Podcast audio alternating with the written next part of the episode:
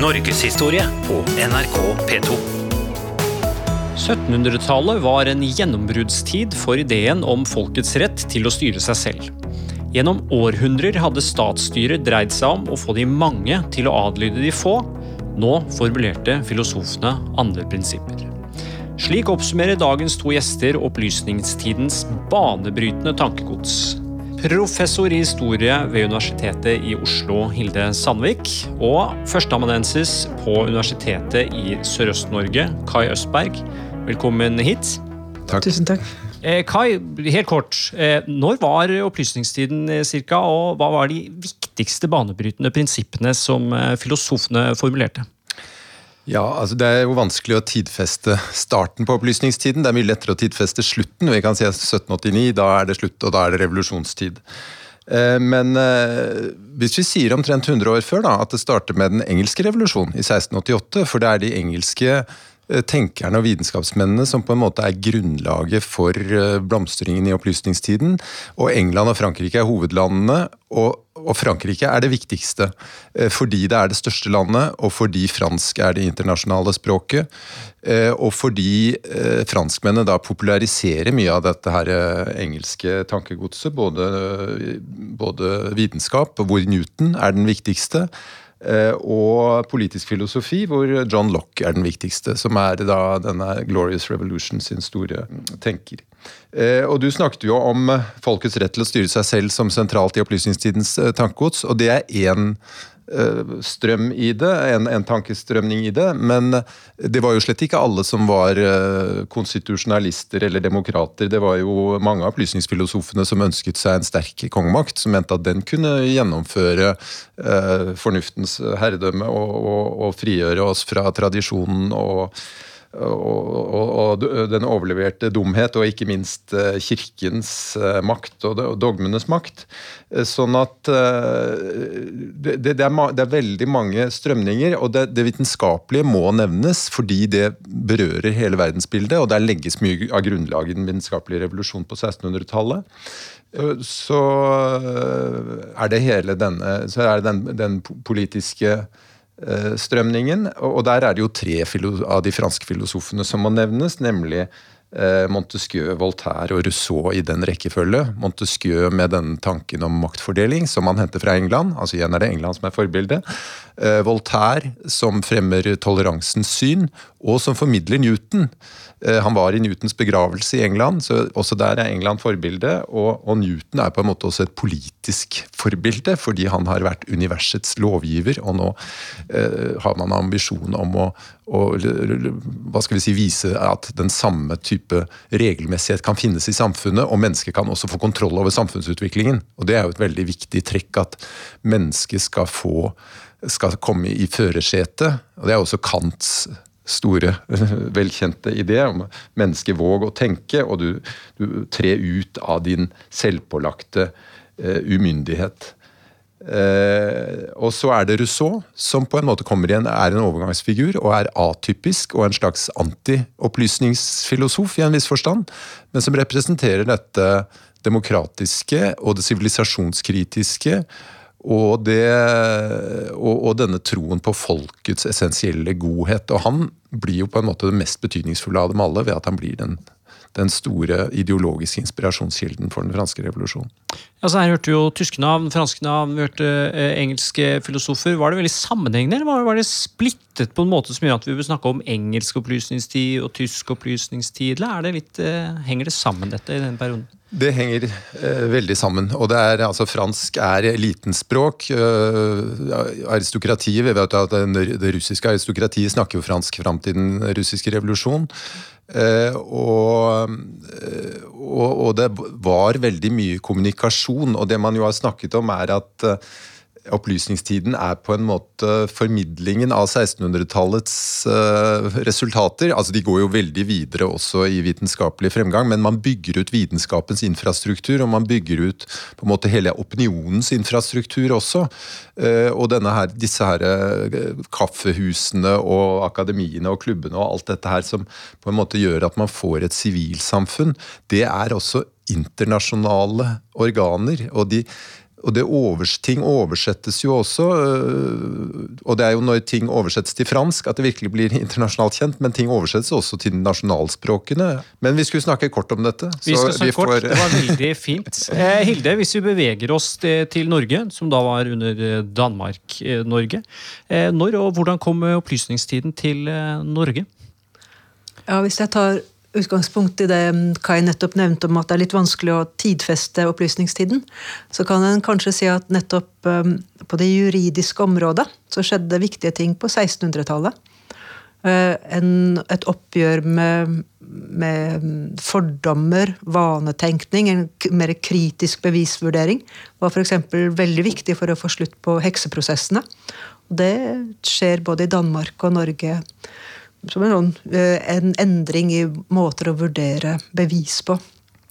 Og Holberg, som jo da er en opplysningsmann også på sin måte, han tar også opp liksom, fordommer og vaner og går til felts mot dem med liksom, fornuften som sitt redskap. Og mye av det samme liksom, at uh, Gud har gitt oss to bøker. Det ene er Bibelen, men det andre er naturen. Så vi kan liksom, studere naturen for å finne ut hva, hva, ja, hva som er meningen, og hva som egentlig er prinsippene. Det, der vil han være en som kan plasseres inn. da. Um, som en som formidler, eller prøver å formidle mange ting. Men jeg er veldig enig i, med Kai også i det han nevner med at uh, slettest ikke alle av disse her vil da være demokrater eller ser veldig positivt på hva som bor i folket. Det er fornuften og prinsipper som av og til kommer ovenifra, som de da vil nettopp ønske å liksom opplyse med. Mm.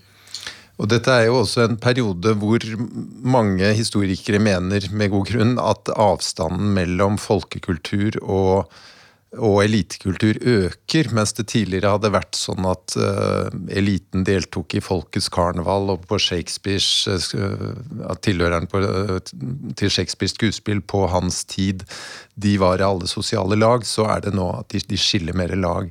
Også fordi den økonomiske utviklingen er positiv.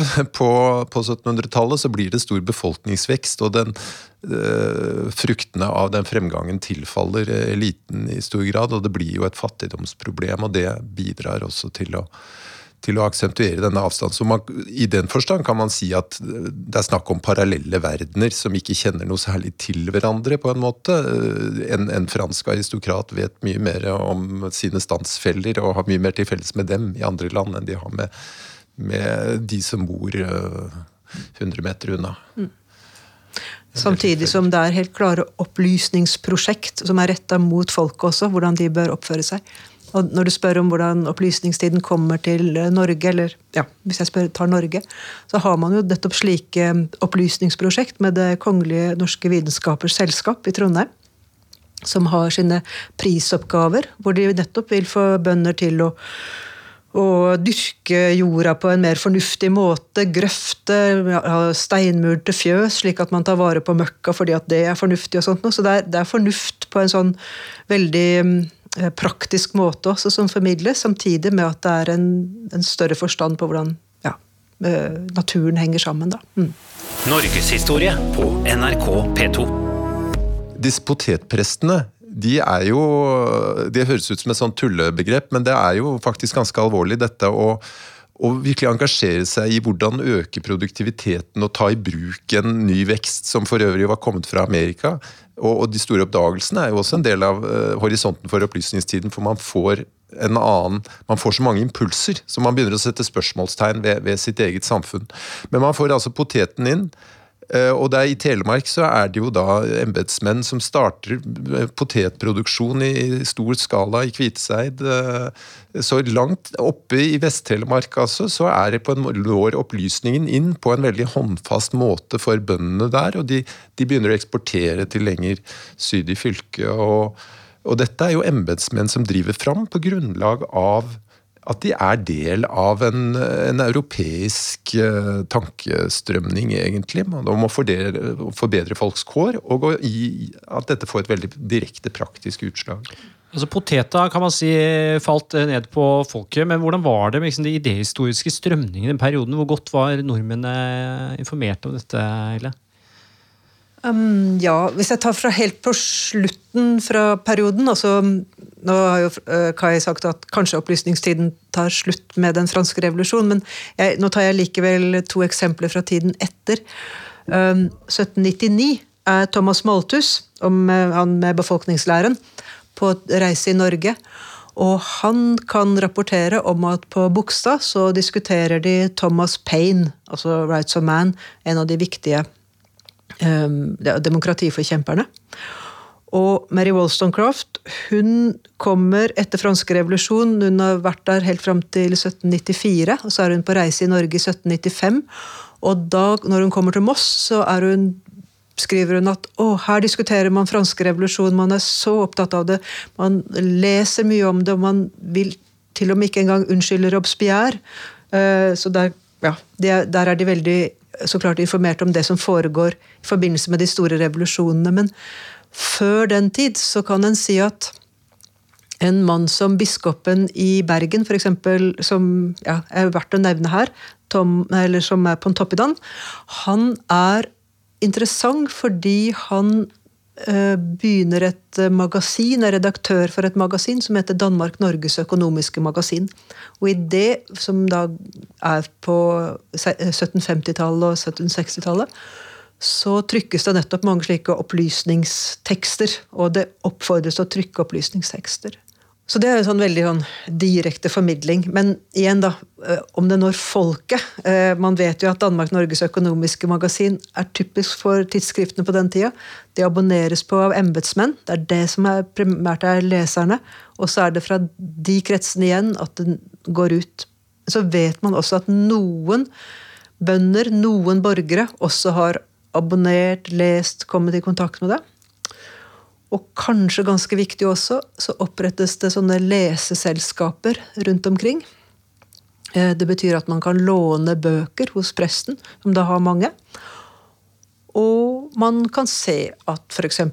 langt oppe i Ålen, altså en lita bygd nord for Røros, så driver de og leser om eh, ja, De leser om Struense i aviser, de vet om ting som har skjedd i Danmark. De eh, de vet om eh, framstillinger av himmellegenes bevegelser som er vist på et, eh, i Leiden. Altså det er eh, ganske utrolig hvordan nyvinninger og tekniske ting likevel kan nå ut, da, om man har eksempler på det. Men filtrert via embetsmennene, tror jeg jeg vil si.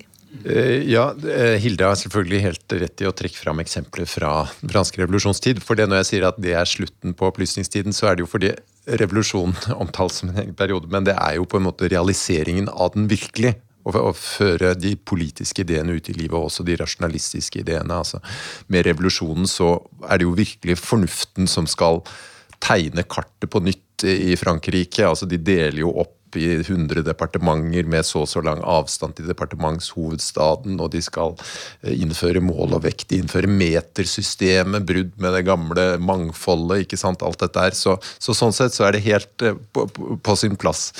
Men, men, til det Hilde sier om, om hvordan det når ned i folket, så er det jo verdt å nevne dette at uh, man på europeisk plan jo snakker om en leserevolusjon, som også gjelder eh, i, i, Norge.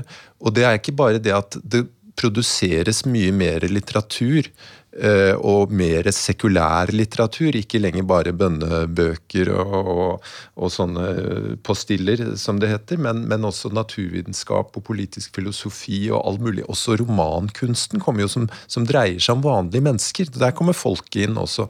Eh, en av 1700-tallets mest leste bøker er 'Pamela' av Samuel Richardson, som dreier seg om en, det er vel en tjenestepike? Ja, 14 år gammel ja. når hun kommer. Prøver å bli, prøvde ja. å bli forført av en lord. Ja. og hun klarer å motstå det. Og det er en brevroman hvor hun skriver sine brev til foreldrene. Og denne ble trykt i utdrag i norske intelligenssedler produsert i Kristiania. Eh, så alle kunne følge med på den. Og den leserevolusjonen den innebærer, eh, som jeg var inne på i sted, en større det er mer tekst, men det er en større avstand til teksten og et annet forhold til den. Altså at man begynner å lese på en mindre respektfull måte.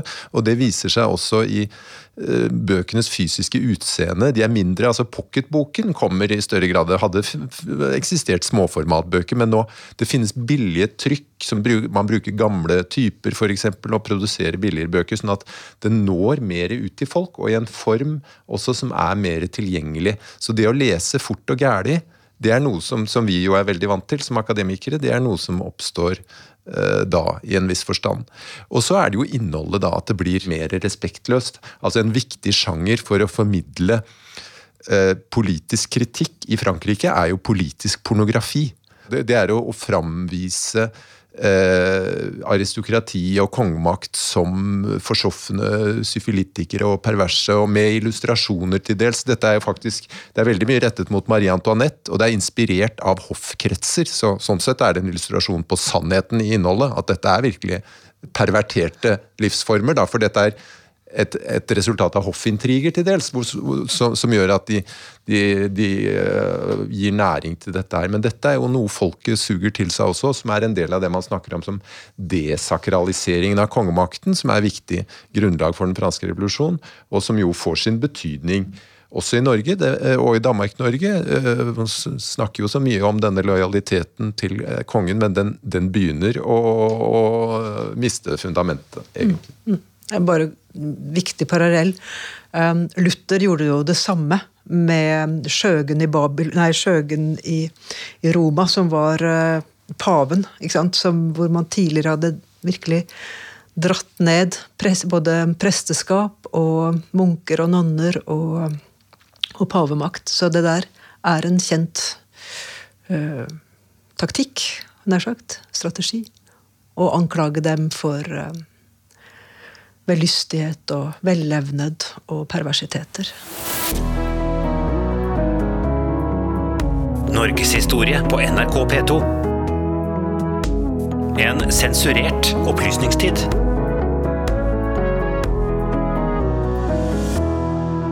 Kai, du har beskrevet eh, det danske eneveldestyret som et av Europas eh, best gjennomførte enevelder. Hvordan eh, tok et såpass topp, topptung statsdanse, hvordan forholdt den seg til disse ideene fra, fra opplysningstiden? Altså I Danmark-Norge så man jo, dyrker man jo den forestillinga at hos oss så er det jo allerede alt gjennomført. Så man hilser jo revolusjonen velkommen. Eh, og Norden blir jo til dels eh, fremholdt som et fyrtårn i forskjellige sammenhenger. Både Gustav 3. og Struense får jo gratulasjoner fra de franske opplysningsfilosofene. Nå med, med, I begge tilfeller så er det jo voldsomme tilbakeslag, da, omtrent på samme tid. Eh, men men med Struense så er det jo veldig tydelig. Det har dukket opp to ganger her nå. Vi kan kanskje ta det. Hans Strunse han var en gærning som innførte en slags liten revolusjon eh, helt på egen hånd, omtrent. Ja, og, og, det er jo på en måte, det er jo i kraft av eneveldet at han kan gjøre det. Fordi han forvalter en sånn absolutt makt og får kontroll over kongens person og hans underskrift. Han, får, han var lege? Han var, han var kongens livlege. Eh, fordi Kristian eh, 7. var sinnssyk, eh, ble det klart på et nokså tidlig tidspunkt. Så han har ansvar for kongens helse, og dermed blir han den som tar beslutninger på kongens vegne. Og han overtar jo også kona, og det er Oi. det kritiske. Og de, de, får jo også et barn. og så dette er jo en helt ufattelig historie som, som må ende galt, selvfølgelig. Eh, hvor, er, bare, hvor er, vi nå? Det er 1770 til 72, dette er, ja. så det er et par år han, han, blir sittende før han da blir styrtet ved en hoffintrige og de, de reaksjonære kreftene overtar, fram til 1784, hvor det blir et nytt kupp hvor kronprins Fredrik kommer ved makten. og da er det på en måte en ny, en ny blomstringstid. Ja, du nevnte jo også Struens her i sted. Hva slags reformer var det han prøvde seg på disse to-tre årene hvor han satt? Det som nok er det øh, som virkelig gjør at han faller, er jo bl.a. at han prøver å regulere hoveri og, og leilendingenes kår i Danmark. Altså deres pliktarbeid for godseierne. Det tåler ikke danske godseiere. Men han innfører også lik arverett for øh, barn. Altså øh, for barn født utenfor ekteskap og barn født i ekteskap. Og han innfører også Og det er en av de reformene som blir stående. At prester ikke skal gjøre forskjell på ektefødte og uektefødte barn når de skal døpes. For det var regelen fra før, at du skulle skille mellom ære og vanære. Men nå sier han at nei, de skal døpes på lik tid. Og den reformen blir faktisk stående i Danmark-Norge etter han.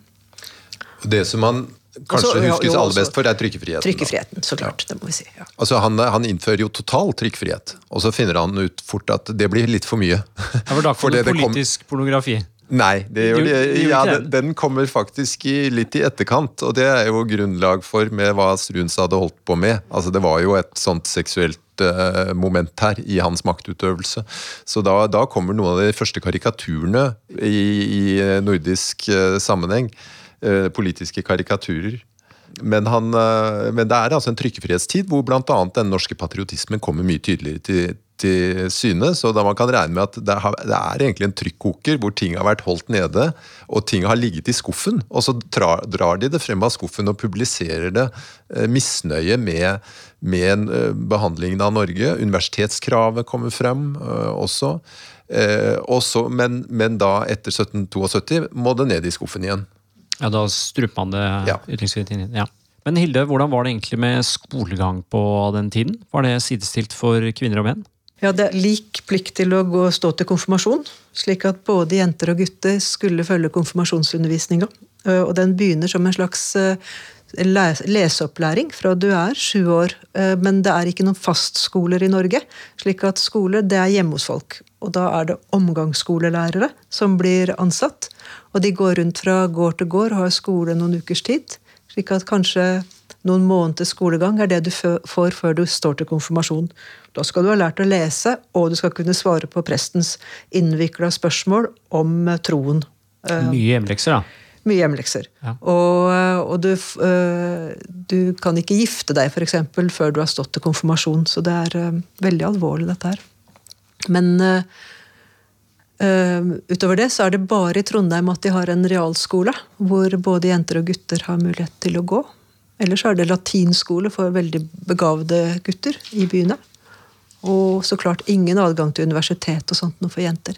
Og Rousseau er jo veldig opptatt av utdannelse også, og at utdannelsen skal være forskjellige. Utdannelse er jo et, et kjernepunkt i, i opplysningstiden. Det er også noe som egentlig har sin opprinnelse, eller en viktig kilde er Lock, med denne tanken at eh, vi har ikke medfødte ideer, men, men det er liksom det, det vi lærer som former oss, og dermed blir denne formingen så veldig viktig også, da, og troen på hva man kan utrette med utdannelse. Men altså en utdannelse som skal være forskjellig for kvinner og menn, ifølge Rousseau. Men er det en tro på at eh, folk flest også kan lære de fleste ideer? Ja, det ligger også i lokk. Det at fornuften er noe som gjør oss like, fordi vi alle har fornuft.